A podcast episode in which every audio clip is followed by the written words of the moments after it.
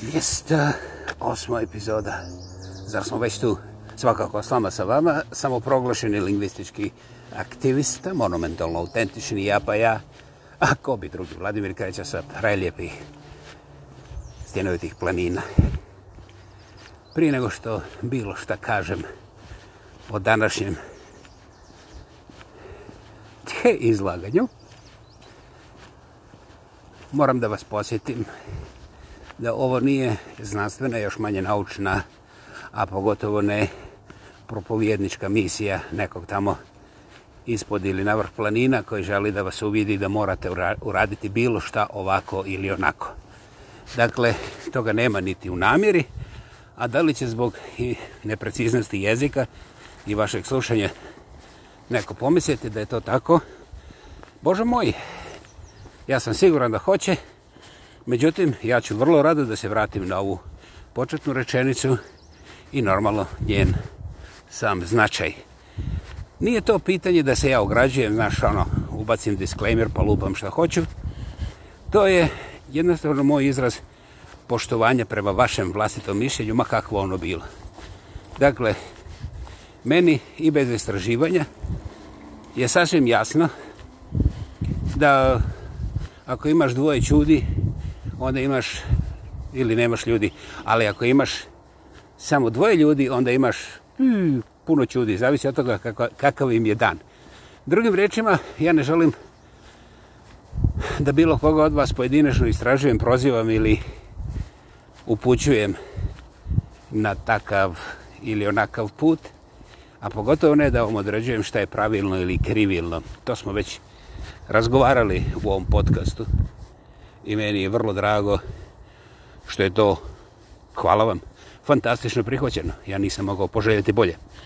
Dakle, danas govorimo o jednoj temi koja je apsolutno vječna, bez obzira šta mi ovdje zaključimo, čak i ovako mlad, lep, genijalan. Ja kad kažem to, još uvijek nije dovoljno ni da zagrebe suštinu, a pogotovo ne širinu cijele teme, a to je muško-ženski svijet. Meni su E, u par navrata čak i grubo. Pojedini muškobanjasti prigovarali kako se ja podvlačim ženama i kako na takav način... da, hoću ovo reći, prema da imen izvuči... E. Eh, ovaj, I da na takav način podvlađi, podvlačit će se ženama, to je njihov način da objasne moga Balkan feminista, da nikad ni jednu ženu neću privući ni blizu svoga sela, a kamoli kreveta ovaj, sva sreća, Kravograd nije selo, ovaj, a krevet, pošto sam mlad, lep, plav, nepogrešiv i skroman, i ovaj, imam kosti od radosti, onda je meni stvarno potreban krevet za mene, samoga, jer ovaj, te moje kosti, čak i kad smo sami u našem krevetu, ovoga, šta ćeš tu se... 70 godina nakon, ovaj, nakalemilo i onda neka muva prdne u zraku, boli 47 zglobova, znam svaki napamet. Dakle, ovaj, ja toj gospodi nisam stigao objasniti da se ja ne podločim ženama, što sam vrlo brzo i definitivno odbacio kao nešto o čemu neću ni govoriti, evo sad sam progovorio, ali nećete to slušati često. Često. I onda to podlačenje ženama da bi one najzad došle domom kreveta. Znaš, ta matematika mi nije ni ljigava, jer znaš, zadnji put kad sam gledao ogledalo, ja nisam bio ovaj zadružni rasplodni bik. I e, ovaj, šta ja znam, možda i to što sam blizu 100 godina utiče na to da nisam gladan baš svaki dan 74 puta. Bilo bi dovoljno 29 puta, ali nemojte nikome reći. Dakle, najveći problem u svemu tome je što je to, ako sam ja rekao neku dobru riječ na stranu ženskih interesa u svakodnevnom životu, onda se ja njima kao podlačim, što automatski znači da sam izdajnik nekih takozvanih univerzalnih muških vrijednosti. Dakle, gospodo, na tom prvom koraku izgubili smo kontakt sa civiliziranim. Ne zanima me inteligencija, do toga nema smisla čak ni pokušati doći. Ne zato što je nema, nego ako neko odluči da bude fanatik, to ne znači da mu je IQ manji od moga. Među fanaticima ima nevjerovatno intelektualno potentnih osoba i tako je bilo kroz cijelu povijest, a i historiju ako pitate, a ne tamo preko puta. Dakle, inteligencija nije neki kapacitet kod onih koji jednostavno žele da vide stvari na određen način. I to je dobro za zapamtiti jer može pomoći. Na primjer, ako vidite nekog fanatika, nogometnog, na primjer, ovaj, nemojte pretpostaviti da je taj čovac glupi, nepismen. Ovaj, to će vas koštati skupo. Dakle, to je najdalje gdje ja želim ići sa ovom pričom.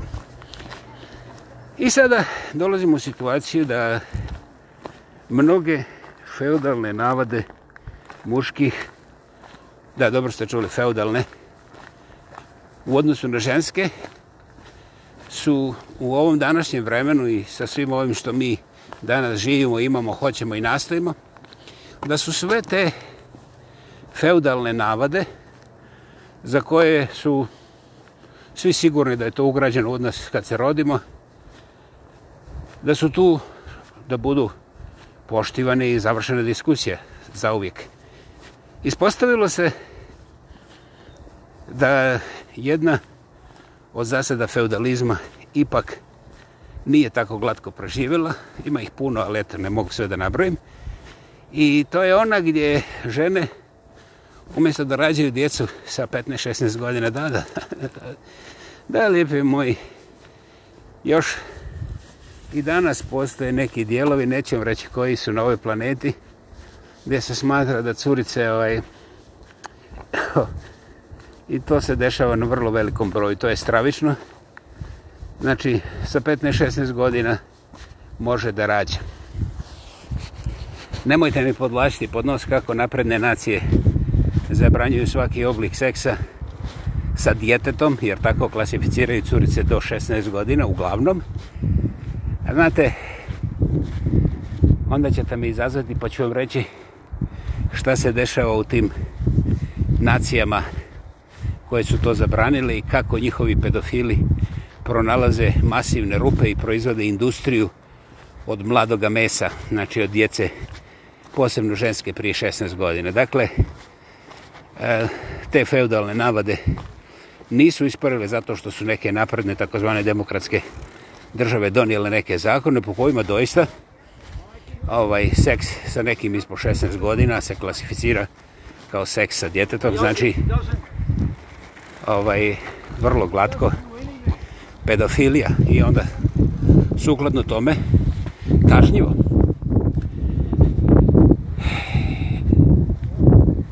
Da.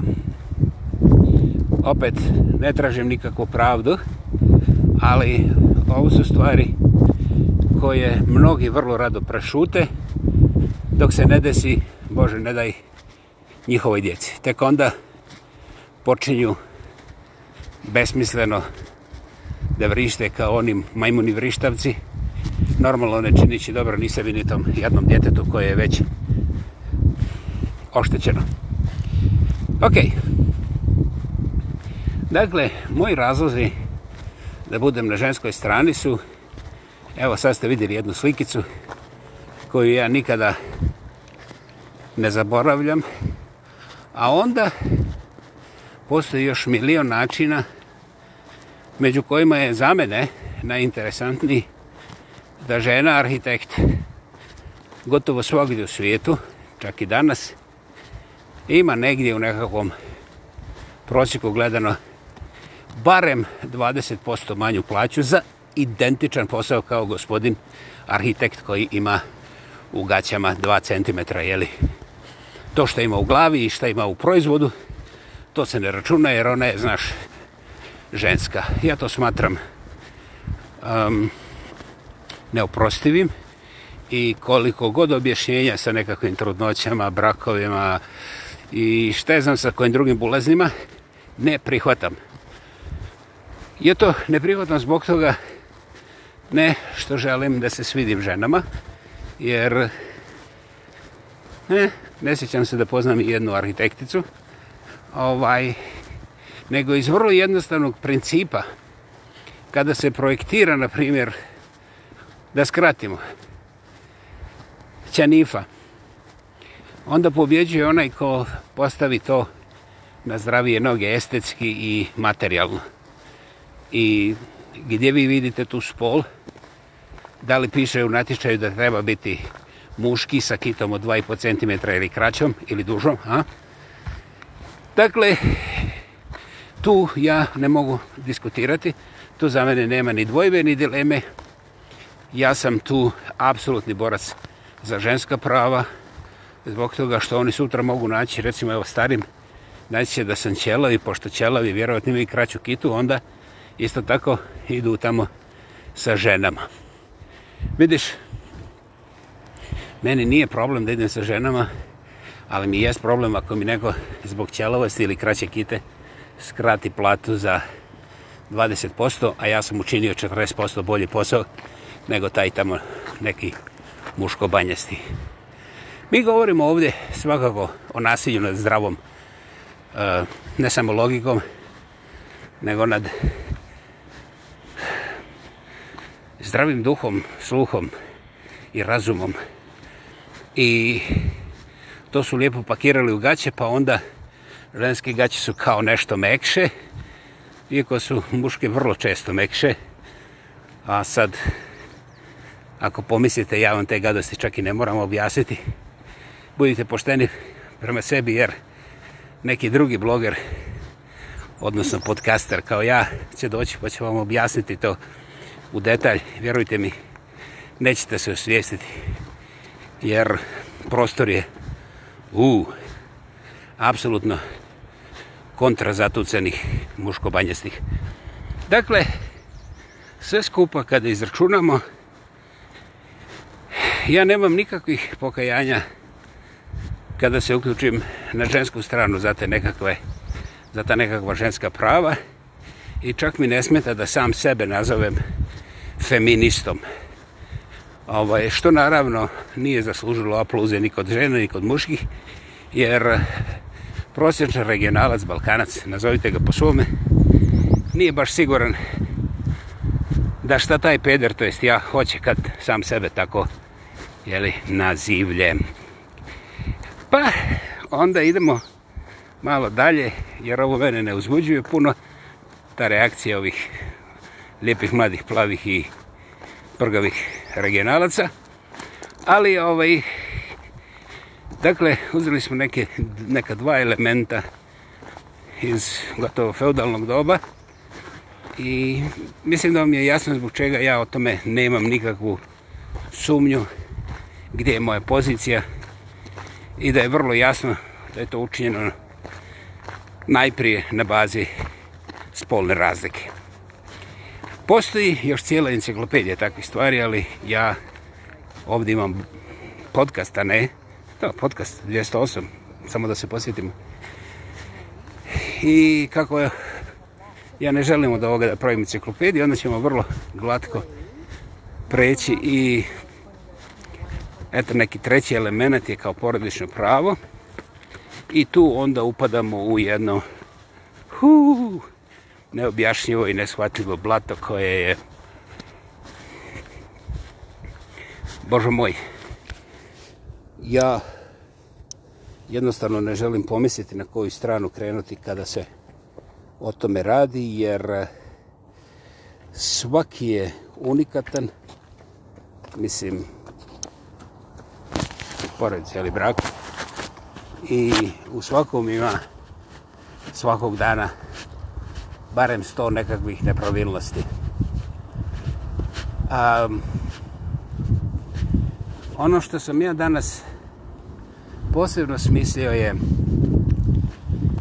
činjenica da kada se uđe u brak većina muškaraca se nađe zarobljenima.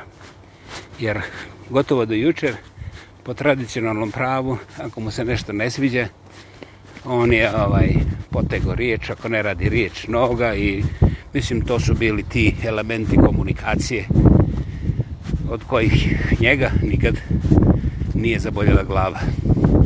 Postojali su i neki metodi kroz stoljeća gdje ako gospodin muž posebno pijen posumnja da je njegova drugarica gospođa učinila bilo šta što on smatra nečasnim i ovaj,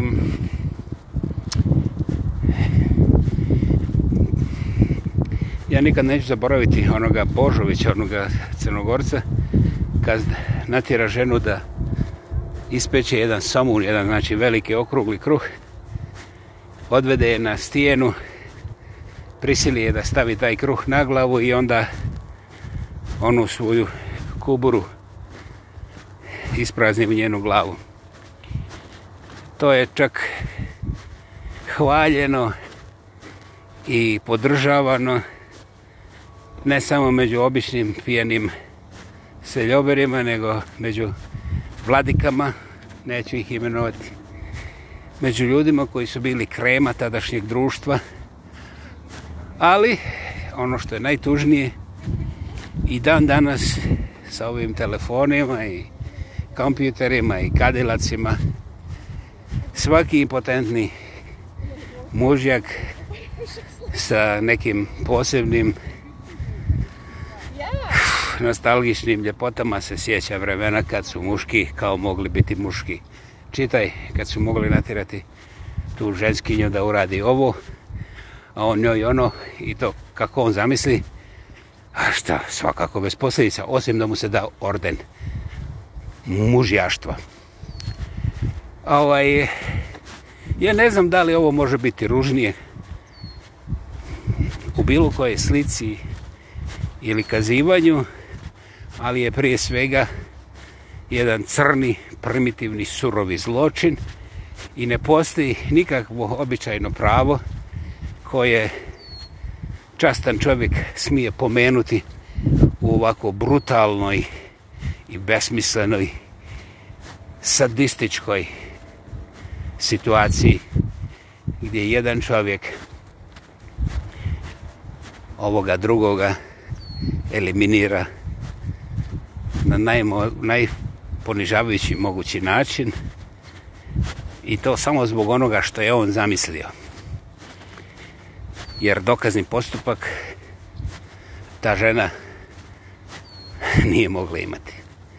Zbog toga kada muškarci danas smizdre zbog sudova odvjetnika i svega toga što inače i košta ne samo grdoga novca nego i vremena nekima se život preokrene, onda ja smatram da bi taj muški svijet trebao malo bolje pogledati u ogledalo i to je ono zbog čega ja kao jedna obična provincijska seljačina draga srca a u savjet a, moga psihologa i psihijatra izlazim javno i kažem da, ja sam feminist gospodo mačisti ovoga profila izvolite, postavite pitanja. Ja znam da ste vi naoruženi, ako mislite da, da mi prijetite i da dokažete kako sam ja kukavice, to je bezbezno potrošeno vrijeme. Znate, ja sam se ukakio milijon puta do sada, ja sam rođen kao kukavica i umjesto to da dokazujete, ako već želite da pucate, pucajte. E, onda nećemo moći razgovarati. Ali ako doista smatrate da imate bilo šta inteligentno u sebi, onda dajte, molim vas, lijepo postavite ta vaša ključajuća pitanja, pa ćete dobiti jedan pristojan odgovor, kojim, s kojim se vi ne morate složiti, koji ne morate prihvatiti. Ali, ako želite biti civilizirani, onda morate odložiti oružje malo sa strane, prestati vrištati, arloukati i prijetiti i morate početi komunicirati. Hvala vjerovali ili ne, to vama sada liči kao ucjena, ali ako sebi dozvolite nešto tako, samo dva, tri puta u sljedećih 20 minuta, osjetit ćete se jačima, zdravijima i nekakva stench, što kažu englezi, ili taj zadah, smrad oko vas, počeće da se gubi.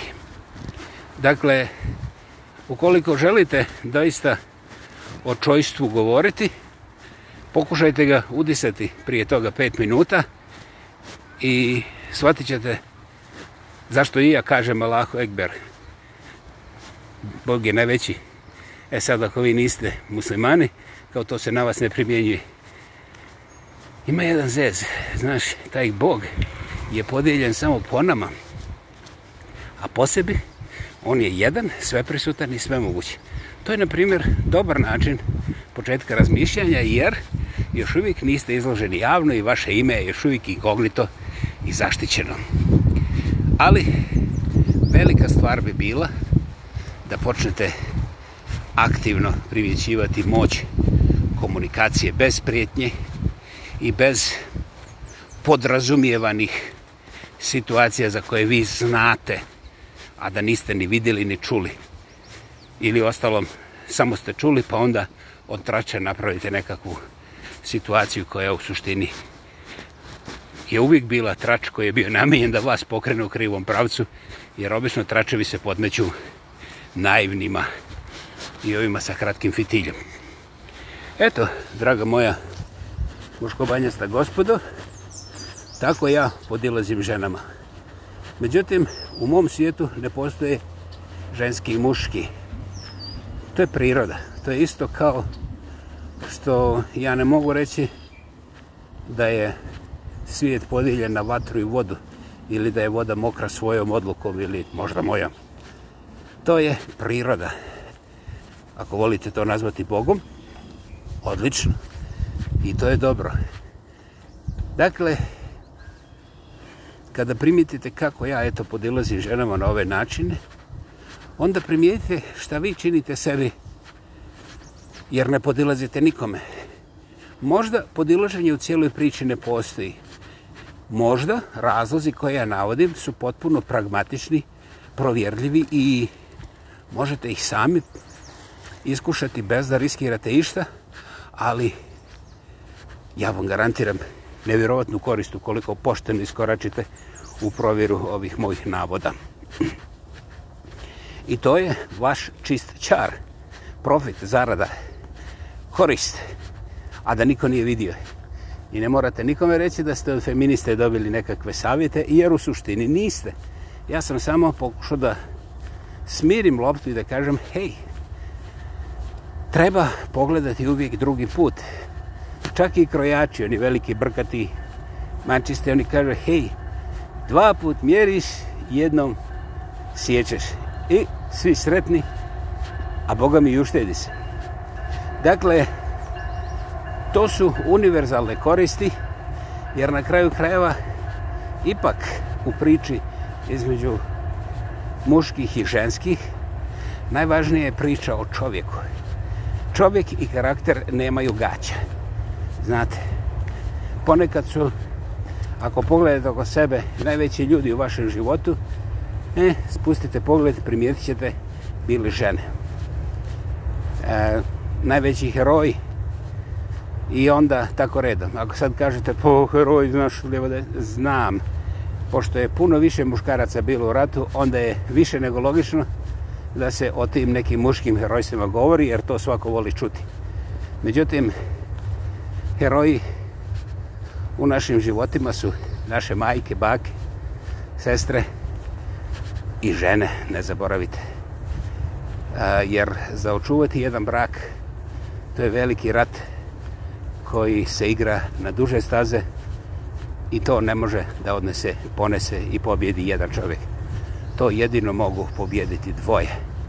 Dakle, vi možda već sada gledate u svoju heroinu, a kasta je zadnji put rekli hvala.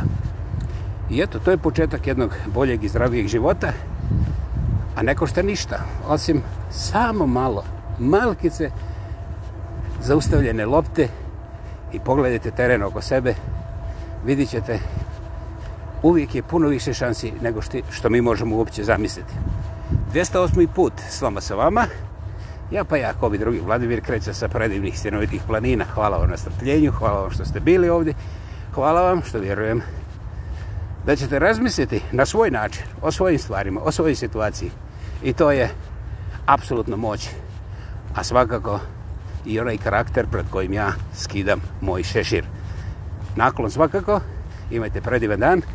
Ćao.